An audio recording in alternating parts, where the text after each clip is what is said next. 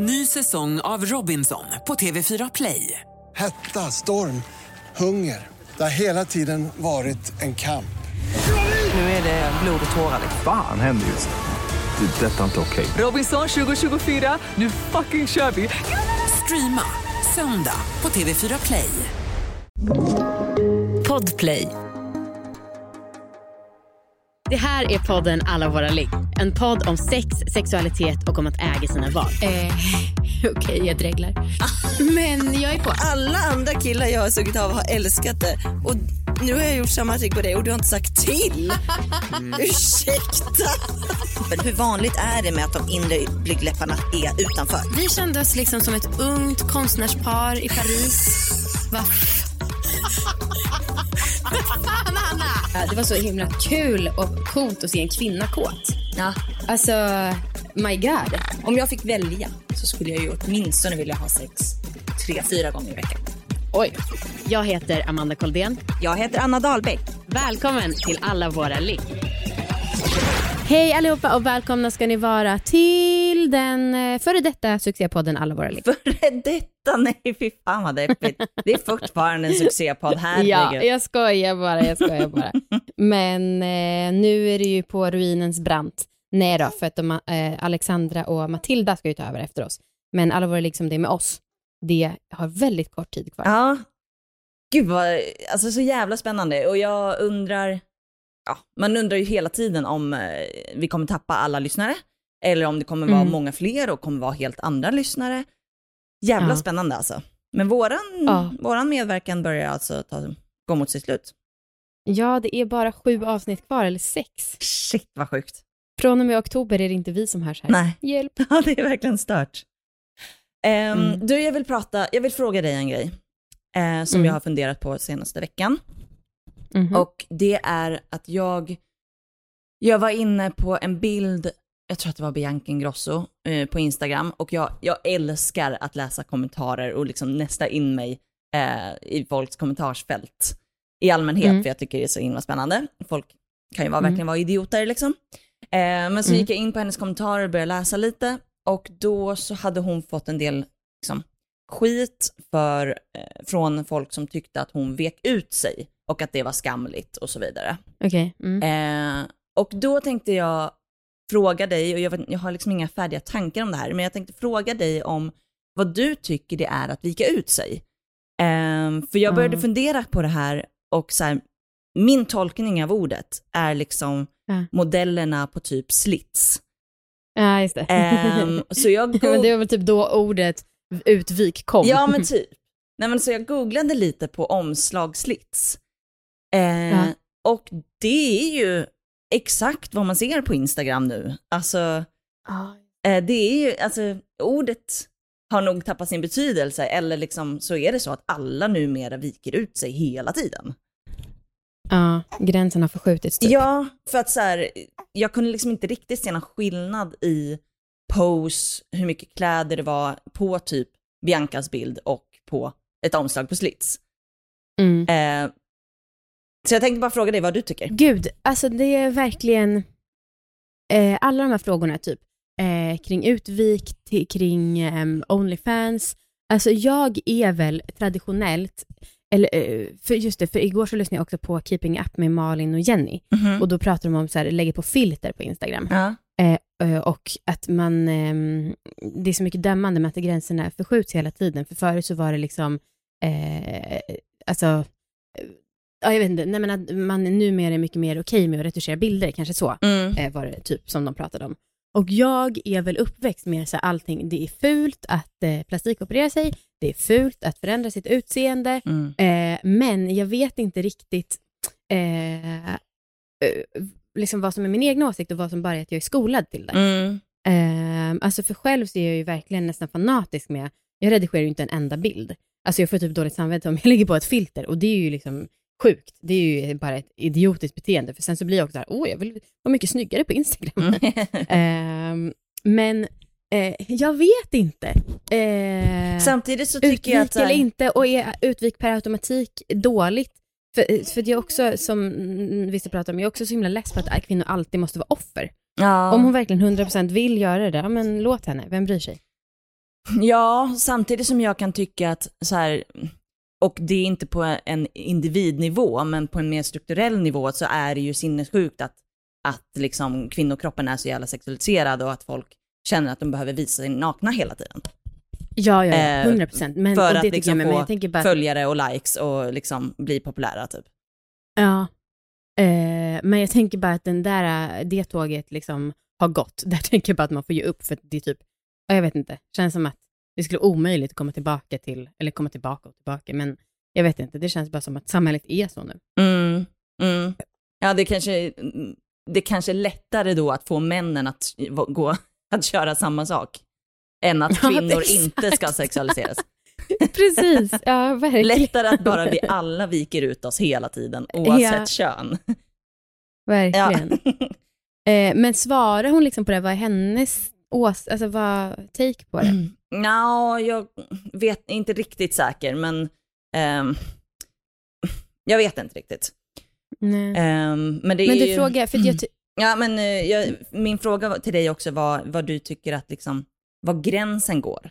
För jag funderade, Ja. jag frågade Marcus, jag visade några liksom bilder på influencers i bikini som, ja, det, som jag skulle klassa som ett utvik. Så frågade jag honom, skulle du tycka att det här var ett utvik? Eller är det här bara Ja. en tjej på stranden? Typ?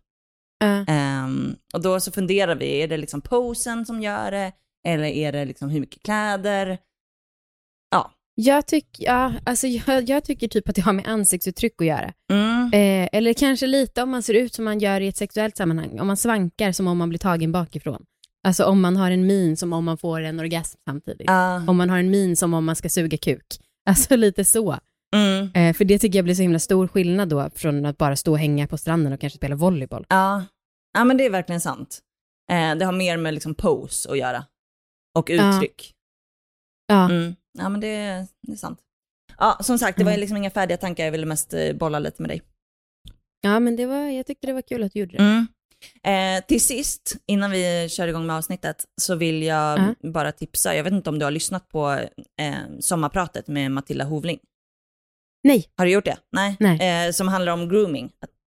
Ja, just det. Jo, jag tror att jag funderade på att klicka på play, men jag var så himla less efter alla historier vi hört i alla våra ligg. Jag orkade liksom inte med ytterligare idioter Nej, som har med sexuellt våld att göra. Ja, det var i alla fall jättebra. Du måste ju kanske inte lyssna, men eh, andra som, eh, våra lyssnare kanske vill lyssna. Ja. Det var i alla fall väldigt, väldigt bra. Eh, Okej, idag ska vi snacka med Erika Alsborn. Ja! Om hennes sexuella resa. Precis, hon var med för några veckor sedan och då så pratade vi om orgasmic birth som eh, ja, eh, var lite goals för i alla fall mig, men ni vet ju att det inte blev så. Men nu så pratar vi mer om hur det blev så för henne, att hon verkligen från att typ aldrig fått en orgasm för hon var, jag tror det var 25, till att verkligen känna sig multi-orgasmic och så. Mm. Eh, hennes utveckling där. Ja, just det. För vi fick en fråga eh, för typ igår, tror jag. Eh, det var någon som frågade på Instagram. Kan inte, vilka avsnitt tipsar ni om hur man kan få en orgasm? Eh, och då kände jag Ah. bara, men gud, det är det enda vi har gjort i podden. Ja, Typ. Vi hade liksom orgasmtips i flera år i podden. Eh, men uppenbarligen så, ehm, det, ja, det var ju ett tag sedan. Uppenbarligen så Tror finns du- det fortfarande tjejer som inte får orgasm. Och det är ju, Undra om vi skulle kunna släppa alla avsnitt vi redan har spelat in, eftersom att folk är ganska dåliga på att göra research och folk glömmer bort. Vi skulle kunna bara börja om hela biblioteket och låtsas som om det var nya avsnitt. jättesmart. Ja, faktiskt, vi gör det. Ja, ja, nu kör vi. Hej Erika! Hej, hej! Hej! Du var ju med för några veckor sedan och vi kände att det fanns mer att snacka om. Ja, man kan aldrig snacka tillräckligt mycket om sex. Nej. Och nu, känner, nu får du mig att känna att vi har gjort fel val som ska sluta med podden. Jag. Eh, Exakt, no offense. Men berätta lite mer, för du touchade det sist, men berätta lite mer ingående vad det var som gjorde att du bestämde dig för att ta tag i din sexualitet. Ja, men det var ju för att jag var så otillfredsställd och jag kände att under en tioårsperiod så hade jag eh, låtsas ha bra sex, fejkat orgasmer, eh, känt mig förvirrad och vilsen i min liksom, sexuella identitet som kvinna. Inte så mycket i min sexuella orientering utan mer som min identitet som sexuell människa, som kvinna. Mm. Ehm, och eh, alla vänner eller vad man läser om och hör om sex, liksom orgasmer och bra sex och så jävla bra och jag bara känner att jag vet inte vad folk pratar om. Ehm, och jag skämdes så mycket så jag vågade aldrig berätta för någon att jag inte kunde få orgasm eller att jag hade dessa problemen. Vad sa du då när det var tjejsnack? Satt du bara så här, mm? Eller liksom? Nej men, alltså jag kunde ju fortfarande dela med mig av sex som jag hade eller Ja. när jag var kåt eller spe, liksom, speciella eller roliga sexuella situationer för jag hade ju sex mm, Mm. och kunde ändå ändå uppskatta det för spänningen, ehm, äventyr eller liksom intimitet när jag var i en relation. Men det var aldrig så djupt tillfredsställande och orgasmiskt som jag förstod att andra upplevde det. Ja. Och nu när jag upplever orgasm och djup sexuell tillfredsställelse så kan jag ju se en enorm skillnad mot där jag var då och där jag är nu. Ja. Jag, jag kan tänka mig att det är väldigt många som känner igen sig i så som du hade det. Ja. Att de ligger och så är det liksom inte riktigt bra, de får inte orgasm, det är inte riktigt på deras villkor, eh, det är inte ultimat liksom. Men jag tänkte på, det måste varit rätt svårt att ta det beslutet, för att om du ska då liksom analysera dig själv och gå till botten med så här, vad vill du? Så antar jag att det liksom blev lite sämre i början. Eh, och alltså svårare att ha sex och liksom mer Dålig stämning, typ. Ja, men precis och lite läskig mark typ. Istället för någonting man är van vid, så här, jag har sex och det är skönt men jag fejkar och sen så, ja bla bla bla. Nej men klart, det är ju som när man lär sig vilket nytt, na- eller när man ger sig in i vilket nytt område som helst, eller om man ska lära sig någonting nytt så är det ju alltid en period där det känns eh, ja, nytt, främmande, eller att man liksom är nybörjare igen. Mm. Eh, och jag brukar säga det till mina klienter och studenter att det första steget är det jobbigaste och det är att erkänna för sig själv Ah. att det inte Mm. är bra. Mm. Och när man väl har gjort det, för det är där man möter egentligen mest skam eh, inom sig själv Mm. och också mest sorg över att man inte har erkänt detta för sig själv tidigare. Och okej, nu har jag erkänt detta för mig själv, vad gör jag nu? Vad fan gör jag nu? För har man, har man erkänt för sig själv att man har ett problem, då blir det ju uppenbart att man kanske måste göra någonting åt det, eller att man inte är nöjd. Och då blir det ju precis som du säger, då är det nytt, ny mark, nytt territorium, eh, främmande, skrämmande och eh, ett nytt kapitel man börjar på. Mm. Men när man väl har insett det så kan man också ta ett informerat beslut kring att hitta rätt hjälp, andra som känner likadant. Och, och det var för mig otroligt läkande bara i sig att förstå att jag inte var själv. För jag trodde verkligen, Mm. sjukt nog så trodde jag jag var den enda Ja. som upplevde detta. Och det Ja. gör man ju oftast när man känner sig som fast i en, problem, i en problemsituation, att man, man isolerar sig och man tror att man är den enda som upplever det. Fan, jag blir lite sorgsen bara jag tänker på liksom, den insikten. Mm. Eh, för jag kan tänka mig att man går runt med det här länge utan att tänka att det är ett problem. Liksom. Mm. Mm. hur, var, liksom, hur var det i början för dig? I början så var det egentligen, det kunde egentligen inte bli sämre. Så att, Oj. Mm. alltså på så sätt att, att ehm, nej men insikten gjorde inte att det blev sämre, det blev nästan bara som en lättnad när jag väl förstod att det går att göra någonting åt det och bara det kändes som en lättnad egentligen. Eh, och jag tror det är det som gör att många fastnar i den här situationen för i hur vi växer upp och blir uppfostrade och sen hur vi blir informerade kring sex och sexualitet och njutning så förstår vi egentligen aldrig att det är någonting man måste lära sig utan eftersom det är tabu och det är lite så här skuggämne, skuggområde även i Sverige idag ehm, så tror man att det är någonting man borde så här inneboende, intuitivt, Ja. instinkt med instinkt kunna veta, klara av själv. Och Ja. därför kommer så mycket skam för att om det är någonting du inte har lärt dig så är det någonting du uppenbarligen måste kunna själv och kan du inte det själv då är ju uppenbarligen någonting fel på Ja. dig, på mig. Mm. Men när man inser att det är någonting man faktiskt kan lära sig som att det är ingen som skäms för att de inte kan cykla eller simma, för det Nej. förstår man, det är någonting man måste lära sig. Samma Ja. sak med njutning, sex, onani och förstå sin kropp, det är någonting man måste lära sig. Hur gjorde du då? Alltså, har, gjorde du på något konkret sätt för att faktiskt lära dig? Så jag eh, ramlade över en sån här eh, Facebook-reklamgrej som poppade upp. Eh, och fastän jag stör mig skitmycket på Facebook-reklam nu för tiden så är det faktiskt tack vare Facebook-reklam som jag hittade en, eh, en lärare det. som erbjöd en kurs. Eh, hon sålde en kurs i att eh, lära sig få bättre orgasmer och jag tänkte okej jag kan inte riktigt få orgasm men lär hon ut hur man får bättre orgasmer så kan jag säkert lära mig på något sätt hur jag i alla fall kan få en Ja. orgasm Mm. genom att applicera samma verktyg och kunskap på mig själv. Så jag köpte den onlinekursen och då började jag liksom för första gången, jag tror jag var 26, 20, jag måste ha varit 27, Men får jag bara fråga lite snabbt, njöt du liksom inte alls under sex innan? Jo, jo men det Men det var göra. just orgasmen som inte fanns? Det var orgasmen, det var orgasmen också bara en, ehm, inte bara utan orgasmen var utebliven och en djupare känsla av att jag verkligen ägde min egen sexualitet, att den Mm. var för mig. Att jag först och främst var sexuell med mig själv och kunde njuta av min sexuella relation med mig själv och kände att där är en kontakt med min sexualitet. Och det är lite Ah. mer så här, det är inte lika konkret, orgasm är så konkret Ja, ja. en orgasm eller inte. Men alla de här andra lite mer abstrakta upplevelserna och känslorna som leder till att man känner sig inte lika självständig, autonom, kraftfull, eh, i kontakt med sig själv, sitt underliv, sin sexualitet.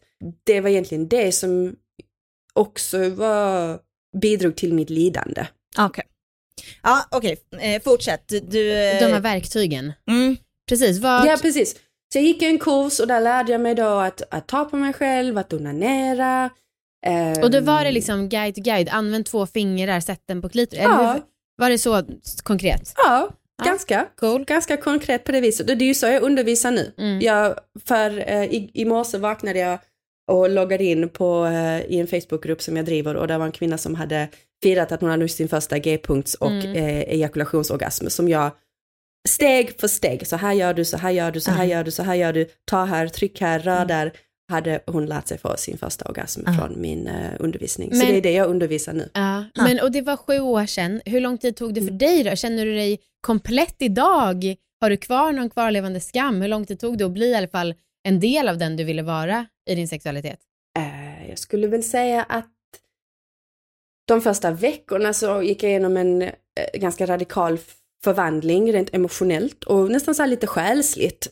Alltså det, min sexuella utveckling har fortsatt sen liksom förvandlas och, och, och förstärkas. Sedan dess, jag tror det tog några år innan jag fick min första G-punktsorgasm. Jag tror det tog ett år innan jag fick min första klitorisorgasm med bara fingrar. Ja.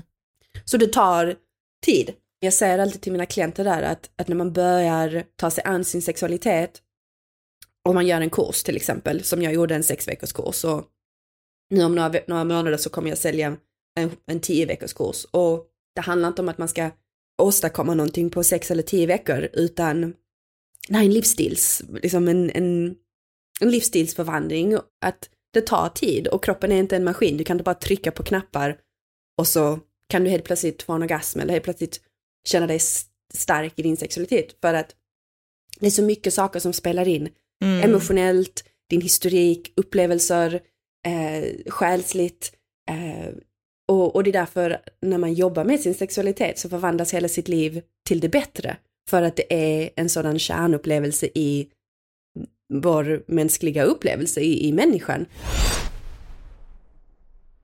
Ny säsong av Robinson på TV4 Play. Hetta, storm, hunger. Det har hela tiden varit en kamp. Nu är det blod och tårar. liksom. Fan händer just nu. Det. är Detta är inte okej. Robinson 2024, nu fucking kör vi! Streama söndag på TV4 Play. Ett poddtips från Podplay. I fallen jag aldrig glömmer djupdyker Hasse Aro i arbetet bakom några av Sveriges mest uppseendeväckande brottsutredningar. Går vi in med hemlig telefonavlyssning och, och då upplever vi att vi får en total förändring av hans beteende. Vad är det som händer nu? Vem är det som läcker? Och så säger han att jag är kriminell, jag har varit kriminell i hela mitt liv men att mörda ett barn, där går min gräns. Nya säsongen av Fallen jag aldrig glömmer på Podplay. Men kan du inte berätta om första orgasmen? Just det. Det måste kommit som en chock. Absolut. Jag eh, hade gått den här kursen och så jobbade jag också då eh, under den perioden. Eh, Det var nog åtta månader efter jag, jag köpte kursen. Så jobbade jag också med eh, den undervisaren, den coachen i, i privat coaching med henne och hade liksom uttryckt till henne en, en specifik önskan att jag ville lära mig få orgasm med bara fingrar vid onani. Så vi jobbade specifikt mot det målet och så hade vi precis haft en session och hon, vi hade identifierat olika saker och pratat om massa och hon hade guidat mig genom olika grejer och, och sen så la vi på och efteråt så jag bara nej, fuck it, nu ska jag fan lägga mig ner och så ska jag bara så här njuta av min egen kropp. Och så gjorde jag det och, och sen plötsligt så fick jag en orgasm med bara mina fingrar och efteråt så tror jag, tror jag skrattade i tio minuter, sen grät jag i tio minuter, sen skrattade jag igen och sen så bara satte jag på musik och dansade och firade. och um, ja men det kändes verkligen som wow. Mm. Ja, fy Wow. fan vad härligt.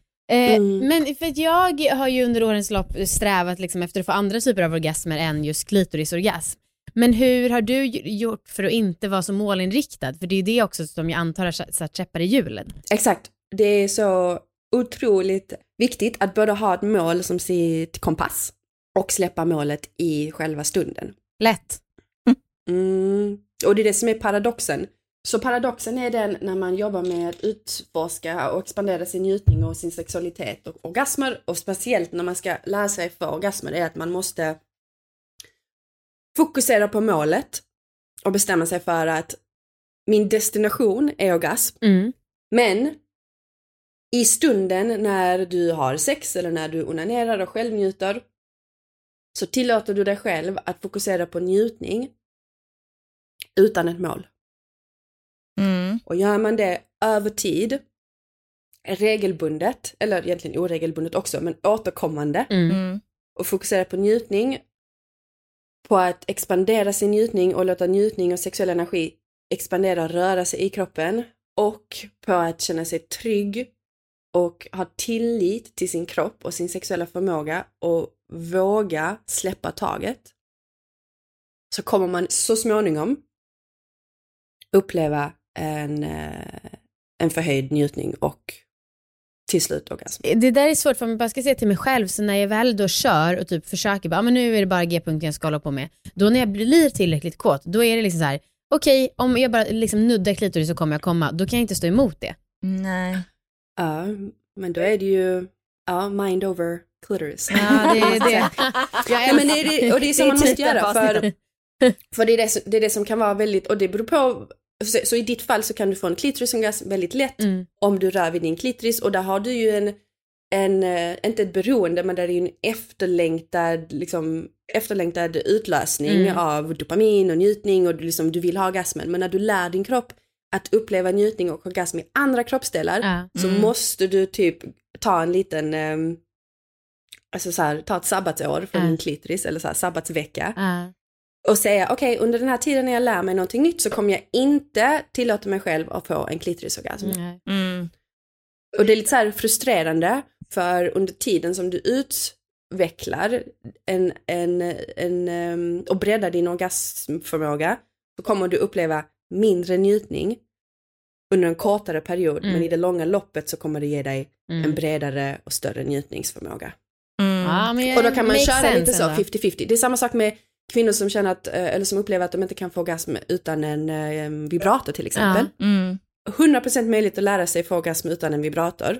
Men då måste du köra kanske 50-50. Att 50% av gångerna så får, tillåter du dig själv att njuta med en vibrator. Mm. 50% av gångerna ingen vibrator, välkomna frustrationen, välkomna att det känns jätte liksom ovant, nästan lite tråkigt. Ja. Många blir väldigt uttråkade Ja. när de lär sig nya sätt att få njutning för din kropp är så van att tolka sensationer och stimulering från den invanda liksom autopilot-sättet. Mm. Och när du då lär dig någonting nytt så måste du möta de känslorna av att jag kan inte, jag blir uttråkad, jag känner mig frustrerad, det här funkar inte, vad fan. Skitsamma, jag kör bara som jag brukar. Ja. Mm. ja, men ja, jag Men jag har så svårt att liksom, för jag tycker så här om man har då, om det är så lätt för man då får eh, orgasm genom klitoris, varför ska det inte bara, varför kan det inte vara lätt? Var, varför kan det inte bara fortsätta så? Ja. Sara, ja, du kan ju svara på varför. Nej, men jag vill ändå... Jag tror att det finns något där, men jag kan inte riktigt definiera det Mm. med att lära mig på flera sätt. Men du, det måste vi prata om, för på din hemsida bland annat så står det att du kan få, ja, vad är det, tio olika typer av orgasmer. Och till exempel står det att du kan få det bara genom att andas. Och där har man ju hört några få som pratar om att de kan. Men vad är en orgasm för dig? För jag, ska jag läsa definitionen på Wikipedia? För den, jag, jag tänker att du har an, en annan definition av orgasm än vad Wikipedia har. Eh, och den lyder så här. En orgasm består av rytmiska muskelsammandragningar i bäckenbotten. Vid orgasm får mannen oftast ejakulation, sädesuttömning och kvinnans underliv producerar mer slem, lubrikation som ska underlätta för spermierna att möta äggcellen. En orgasm hos både män och kvinnor frigör bland annat oxytocin och endorfin som kan leda till följdeffekter som till exempel lyckokänslor och avslappning. Sen står det också, vissa personer kan få huvudvärk under orgasm, så kallad orgasmhuvudvärk. Okej. Är alla dina orgasmer så här eller vad, hur är, vad är det för dig? Okej, eh, låt mig eh, dela min definition av orgasm. Japp.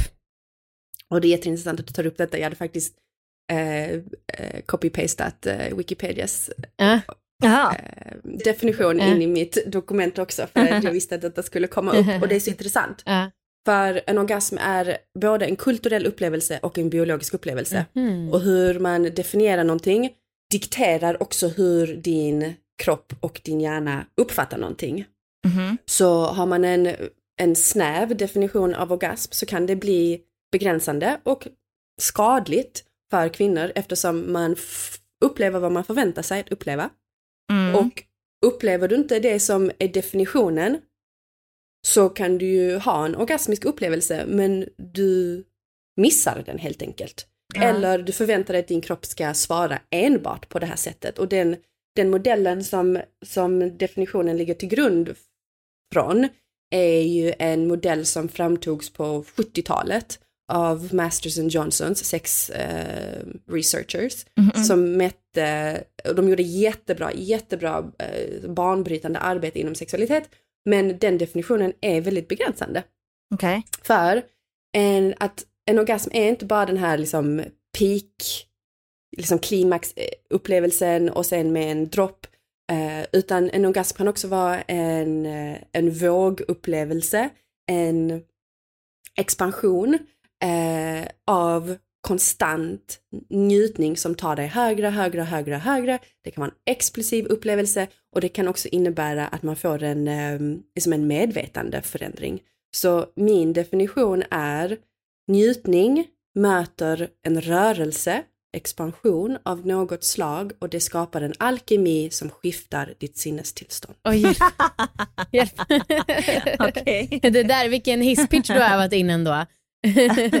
Eller hur? Ja. Nej, men, och det låter lite så, ja, ja men det låter lite pitchigt, men det är sant. För om du tänker på det utifrån den upplevelsen så njutning expanderar Mhm.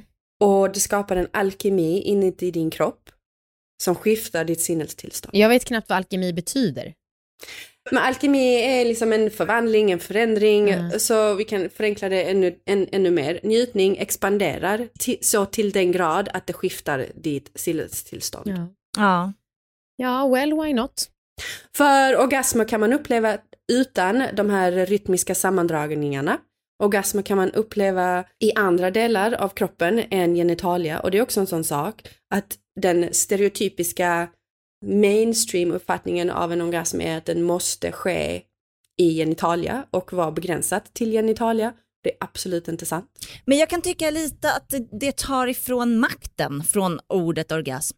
Alltså, för att jag tycker att det låter mer som att du menar njutning när du beskriver det. Och att liksom, jag vet inte, jag kan tycka lite att man förlorar konceptet orgasm om man liksom får välja att lite så här vad det är och vad det betyder och eh, vad det är för en själv. Och det är väl kanske okej, ju. det gör väl kanske ingenting. Men jag tänker att det förlorar sin betydelse lite. Jag håller absolut inte med dig. Nej. Eh, och anledningen till varför detta hjälper många är för att det ger dem ett språk som förklarar deras upplevelse. För det ger också en förklaring kring hur du kan arbeta mot att expandera din njutning och orgasm. Om du vill ha en bredare orgasmupplevelse som till exempel en g-punktsorgasm. För en g-punktsorgasm känns inte som en klitorisorgasm. Och om du bara utgår från en klitorisorgasm som är egentligen den stereotypiska eh, definitionen av en orgasm som passar in i den här definitionen som du precis delade, ja då kommer du aldrig uppleva en g-punktsorgasm, för den känns inte så. Så då kan du lika gärna lägga ner och så kan du bara så, fine, fuck it, då blir det bara klitoris hädanefter tills jag dör. Och, och det är helt okej. Okay. Det finns inget bättre eller sämre, men vissa människor upplever andra typer av orgasmiska eh, sensationer, upplevelser. Vissa har till exempel eh, ejakulationsorgasmer rent spontant och kan känna otroligt mycket skam och skuld kring det för att deras kropp inte svarar mm. som andra människors. Så när man i, i mitt arbete och vad jag har sett med alla, jag har jobbat med tusentals kvinnor kring detta, är att när du praktiskt jobbar med njutning och du har den här definitionen och de här tre komponenterna att förstå det utifrån, då ger det dig ytterligare kraft och empowerment att förstå dig själv djupare snarare än att det tar, tar ifrån liksom mystiken eller det, spe, det liksom fantastiska med orgasmen. Mm, mm. Ny säsong av Robinson på TV4 Play. Hetta, storm, hunger. Det har hela tiden varit en kamp. Nu är det blod och tårar. Fan händer just det. det detta är inte okej. Okay. Robinson 2024, nu fucking kör vi. Streama söndag på TV4 Play. Ett poddtips från Podplay. I podden Något Kaiko garanterar östgötarna Brutti och jag, Davva, dig en stor dos skratt. Där följer jag pladask för köttätandet igen. Man är lite som en jävla vampyr. Man har fått lite blodsmak och då måste man ha mer. Udda spaningar, fängslande anekdoter och en och annan arg rant. Jag måste ha mitt kaffe på morgonen för annars är jag ingen trevlig människa. Då är du ingen trevlig människa, punkt. Något kajko, hör du på podplay. Därför är Men du, du och din man har varit ihop hur länge som helst. Och han måste ju varit med på den här resan då när du bestämde dig för att ta tag i din njutning. Jag kan tänka mig att det var ganska omvälvande för honom och kanske lite obehagligt. Hur har er resa tillsammans sett ut? Och var du ärlig mot honom liksom? Om jag är inte nöjd. Fejkade eller att du inte var nöjd? Alltså vi var tillsammans när jag var yngre och sen så var vi ifrån varandra, separerade i fem, sex år och sen så blev vi tillsammans igen för sju år sedan. Så vi har känt varandra i över 18 år och nu har vi varit tillsammans i sju år. Och vi träffades igen nästan precis efter att jag hade liksom, ja det här hade kommit upp till ytan och jag började lära mig om min sexualitet och så vidare. Okay. Och jag har varit väldigt ärlig med honom och sagt när vi var yngre så fejkade jag väldigt många orgasmer och jag skämdes och jag kunde inte och så vidare. Hur tog han det? Nej, han förstod och bara ja, det är ju skitbull för dig. Ah, ah. liksom. Det är nog väldigt många som är rädda för att erkänna för sina partners och för tidigare ligg att de har fejkat. Jag tänker att det är lite, mm. eftersom att det, min, min uppfattning blir att du var ganska ung då. Mm. Att det känns som att många killar som kanske då är, vad är han, i 30-årsåldern har bara, okej, okay, ja, men jag fattar att många kvinnor när jag var 20 fejkade med mig. Att man ändå kanske har accepterat det någonstans. Jag vet mm. inte. Exakt. Och det är ju också så att eftersom vi inte får någon sexuell liksom, bra utbildning kring att förstå våra kroppar och lära oss om vår anatomi och våra olika typer av orgasmer, även fast ni himlar med ögonen och bara, vi har inte tid att gå in på det, alla dessa orgasmer. Men det är sant, jag kan säga utifrån min egen kroppsliga erfarenhet att det är olika typer av orgasmer, de är tillgängliga för alla kvinnor eller alla människor med men vulva och vagina. Precis, och vi, vi måste komma tillbaka till din man, men precis, hur kan du vara så övertygad om att alla kan uppleva det här? För att det är ju strukturer i ditt nervsystem och din biologi, att vi är födda ja. med den här typen av Fast vissa grejer är ju väl också, det är inte, det är, som du säger, det är inte bara fysiskt, det är ju inte bara muskelsammandragningar utan en del av det har ju också med sinnesstämningen att göra. Alltså jag menar, jag är väl någonstans övertygad om att alla kan få djup avslappning genom meditation, om jag nu ska, jag vet inte varför jag tog det som exempel, men jag är ändå så här, jag tycker att du säger emot dig själv lite eftersom att du säger att det dels är fysiskt och som något som alla kan nå, men samtidigt så säger du att det inte är det. Och då vet jag inte om jag kan vara så säker på att alla kan uppnå det bara eftersom att det fysiska tror jag vi är ganska lika i, men det psykiska, I don't know. Ja, om man inte tror på det, kan man uppleva det då? Ja, lite så, ja. Jag vet inte riktigt.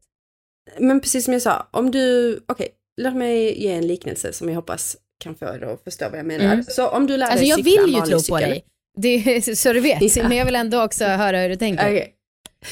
Så om man lär sig cykla Ja. och sen ska du lära dig cykla på en sån här unicycle. Mm. Det är fortfarande pedaler och eh, ett hjul, men det är en helt annan typ av balans, eh, teknik och så vidare. Men det är samma, det är samma grundtanke, sadel, cykel, men det är helt annorlunda. Och sen så har du kanske då en motorcykel med liksom, det är olika tekniker, olika specifika liksom detaljer. Mm. Men i grundtanken är det en och samma grej. Och absolut kan det vara så att någon inte vill eller behöver eller inte känner något intresse och Mm. då kanske du inte kommer öppna upp din sexualitet och lära dig teknikerna för att få en cervixorgasm. Mm. Men det är okej, du måste inte, jag bryr, jag bryr mig inte.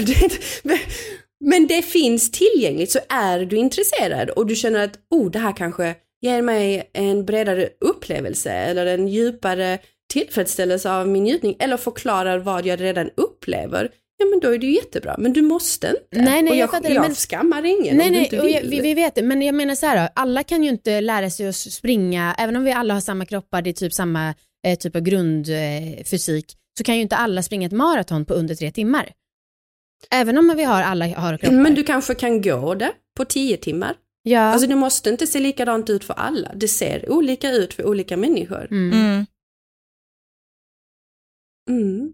Men har du en cervix, har du en vagina, har du, och det har, om du har delarna och du har nervsystemet, vilket du har, då har du kapaciteten. Sen är frågan om du vill och du vill lägga ner tiden Mm, och du söker ut kunskapen Mm. och du övar, då kanske det kommer bli tillgängligt för dig. Mm, Men mm. det kommer ta olika lång tid för olika människor och ja, det kanske handlar om att en människa måste göra mer emotionell eh, läkning och en annan kanske bara måste lära sig själva tekniken. Ja. Det är jätteindividuellt. Jätte, jätteindividuellt. Ja. Men för att, att, att komma tillbaka till min man. Ja. Så när han, han har varit otroligt stöttande, Mm. jättepositiv eh, och har fått se väldigt, väldigt många olika sidor utav mig. Mm. Eh, och det är tack vare att han har varit så, ja, men så skamlöst uppmuntrande och peppande och sett hur mycket detta betyder för mig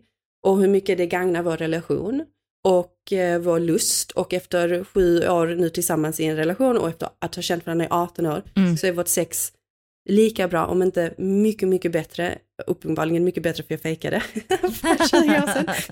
Men mycket, mycket bra fortfarande och Ja. vi prioriterar vår sexualitet väldigt mycket tillsammans. Hur var det i början liksom? För du gick ju kurs eh, för att lära dig hur man får orgasm via onani. Eh, hur var det i början med, vågade du applicera den kunskapen när du låg med din man? Det tog lite tid och där för mig har det handlat väldigt mycket om att bygga eh, emotionell och relationell trygghet med honom, att kunna uttrycka mina behov, att kunna guida honom, att s- som, på ett sensuellt och lite så förföriskt, trevligt vis guida honom till vad jag tycker om. För Mm. jag tror många blir så här, de går från noll till hundra när de ska uttrycka sig och det kan bli väldigt man får lov att göra misstag, men ibland kan det bli väldigt osexigt Mm. när man säger till sin partner vad man inte tycker om. Ja, och istället för att säga vad man inte vill ha, så har jag lärt mig att det är mycket bättre att säga vad man vill ha. Mm. Men för att veta vad man vill ha så måste man ju utforska det själv eh, och förstå sig själv. Så nu för tiden så kan jag liksom på ett väldigt bra, positivt, sexigt, som sedaktiv vis visa min man antingen med händer eller som sa praktiskt eller säga till honom vad han ska göra för Mm. att det ska ge mig mer njutning. Mm. Det blev, det, blev det mycket press liksom, eh, och när ni låg i början på att det handlade om din orgasm? Nej, det upplever jag inte. Det var ganska så naturligt. Eh, och sen som jag sa så har min, min orgasmförmåga har liksom utvecklats över åren. Det har tagit mig flera år i vissa fall att förstå vad en cervixorgasm är och jag gick inte in i den här kursen eller i, i min eh, liksom, sexuella förvandling med så här, okej, nu ska jag få en, en, en cervikal orgasm och det ska ta två veckor, utan jag har bara så här öppnat upp för möjligheten att okej, den här, min lärare hon snackade om cervixorgasm, jag vet inte riktigt om jag tror på henne om jag kan få en, men om hon säger det och alla de här andra kvinnorna säger det, så kanske kan jag också få det. Och sen så har jag fortsatt Ja. göra mina övningar, har fortsatt ha sex, har fortsatt jobba på mig själv och efter två, tre år så helt plötsligt fick jag en cervikal orgasm och då, då trillade polletten ner. Jag bara, ah, okej, jag förstår. Kan du inte beskriva hur den eh, skiljer sig? Så en sak som är väldigt viktigt att förstå när det kommer till olika orgasmer är att orgasmer känns olika för att de inkluderar olika nervbanor i din kropp. Mm. Nu är jag inte ehm, expert på detta, men jag har inom ehm, akademin lärt mig. Jag har gått en masterutbildning i sexologi och jag var på en fantastiskt eh, spännande föreläsning av en sex researcher som berättade om hela det här liksom med nervbanorna och varför olika orgasmer känns olika. Så detta är studerat och det finns vetenskaplig grund för det jag Mm, säger mm, nu. Så det är inte bara så här flum-flum.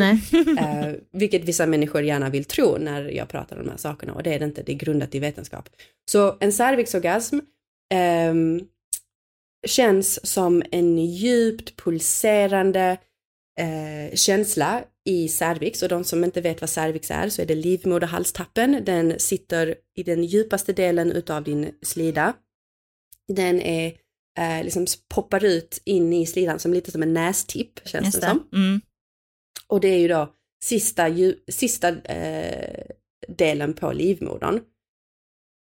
Och eftersom den är till viss del liksom sitter ihop med livmodern, så när man får en cervikal orgasm så kan man känna kontraktioner, djupa kontraktioner i och runt livmodern, i och upp i magen och då kontraherar musklerna i livmodern, runt livmodern och ligamenten dras upp. Så det känns som att hela liksom slidan och livmodern typ dras upp och sen droppar det ner igen och liksom pulserar. Jävlar, det låter skitläskigt. Det är jättehäftigt. Och det ger också en djupare psykologisk tillfredsställelse. Så en klitorisorgasm känns mer som en ren fysisk tillfredsställelse. Men vaginala orgasmer och, klit, ehm, och, och cervikala orgasmer ger en djupare psykologisk eh, tillfredsställelse. Och jag tror att det är därför Freud har lite så här snack kring att klitorisorgasmer är omogna och vaginala orgasmer är lite så här mogna. För att det är just den psykologiska känslan. Eh, sen kan man verkligen ifrågasätta det och jag sätter inga orgasmer på någon hierarki, det finns ingen bättre eller sämre. De är bara helt enkelt olika. Men det var väldigt spännande att få en sån konkret känsla hur det känns, för vi Ja. touchade väldigt mycket under årens lopp. Och först när du beskriver tycker jag att det låter som att hjälpa er en förlossning som är på gång, men det är bara för Ja. att jag är så inne i det som är huvudet. Men jag menar, det är ju det man snackar om, att livmodern drar ihop sig och så. Ja. Eh, en till fråga om din man. Ni lever monogamt? Eh, yes. Yes. Och hur har det varit? För om du precis hade börjat din sexuella resa, jag hade i alla fall cravat och testat det med olika partners. Absolut, och vi har ju pratat om detta och sagt att för tillfället så njuter vi av och upps- uppskattar en eh, exklusiv monogam relation. Men det innebär ju inte att man inte kan leka med fantasin Nej. och köra rollspel eh, och eh, använda redskap för att bredda sin upplevelse fastän man är i en monogam eh, exklusiv Och du relation. känner verkligen att det är så för dig? Det är inte som att du känner att du har offrat, eller liksom egentligen undrar vad som är på andra sidan om du skulle fortsätta expandera det? Och känner en... Alltså vi har, vi har så bra sex att... Okej, ja. alltså... Gött. Eh, apropå, Ja. apropå man och män, eh, kan män också få sådana här många olika orgasmer? Absolut, de kan få, eh, de kan också få andningsorgasmer, energiorgasmer, prostataorgasmer, anala orgasmer, eh, olika typer av orgasmer, orgasm utan ejakulation. Eh, vänta, får jag bara avbryta? Eh, vadå anala och prostata? Det är inte det samma sak? Nej. Nej men gud, jag är så noob uppenbarligen. Alltså hur kan ni ha en podcast om sex och inte kunna detta? Jag kanske Nej, jag som ska fråga ut er istället, vad fan. Aha, jag borde varit okej. med här för flera år sedan. Jag har uppenbarligen inte Nej, lärt mig och då, något. ku- då kunde jag inte det, så det är väl bra att jag är här nu. Tack Erika för Ja. att vi fick prata med dig igen. Vilket superorgasmavsnitt. Ja, verkligen. Herregud. Och du finns var? Online, Erika Alsborn på Instagram, erikaalsborn.com. Mm. Och vill man lära sig så har jag kurser i detta där jag ja, ger dig st- steg för steg utbildning i hur du ska ta på dig själv. Ja. Härligt. Cool. Eh, ha en bra dag.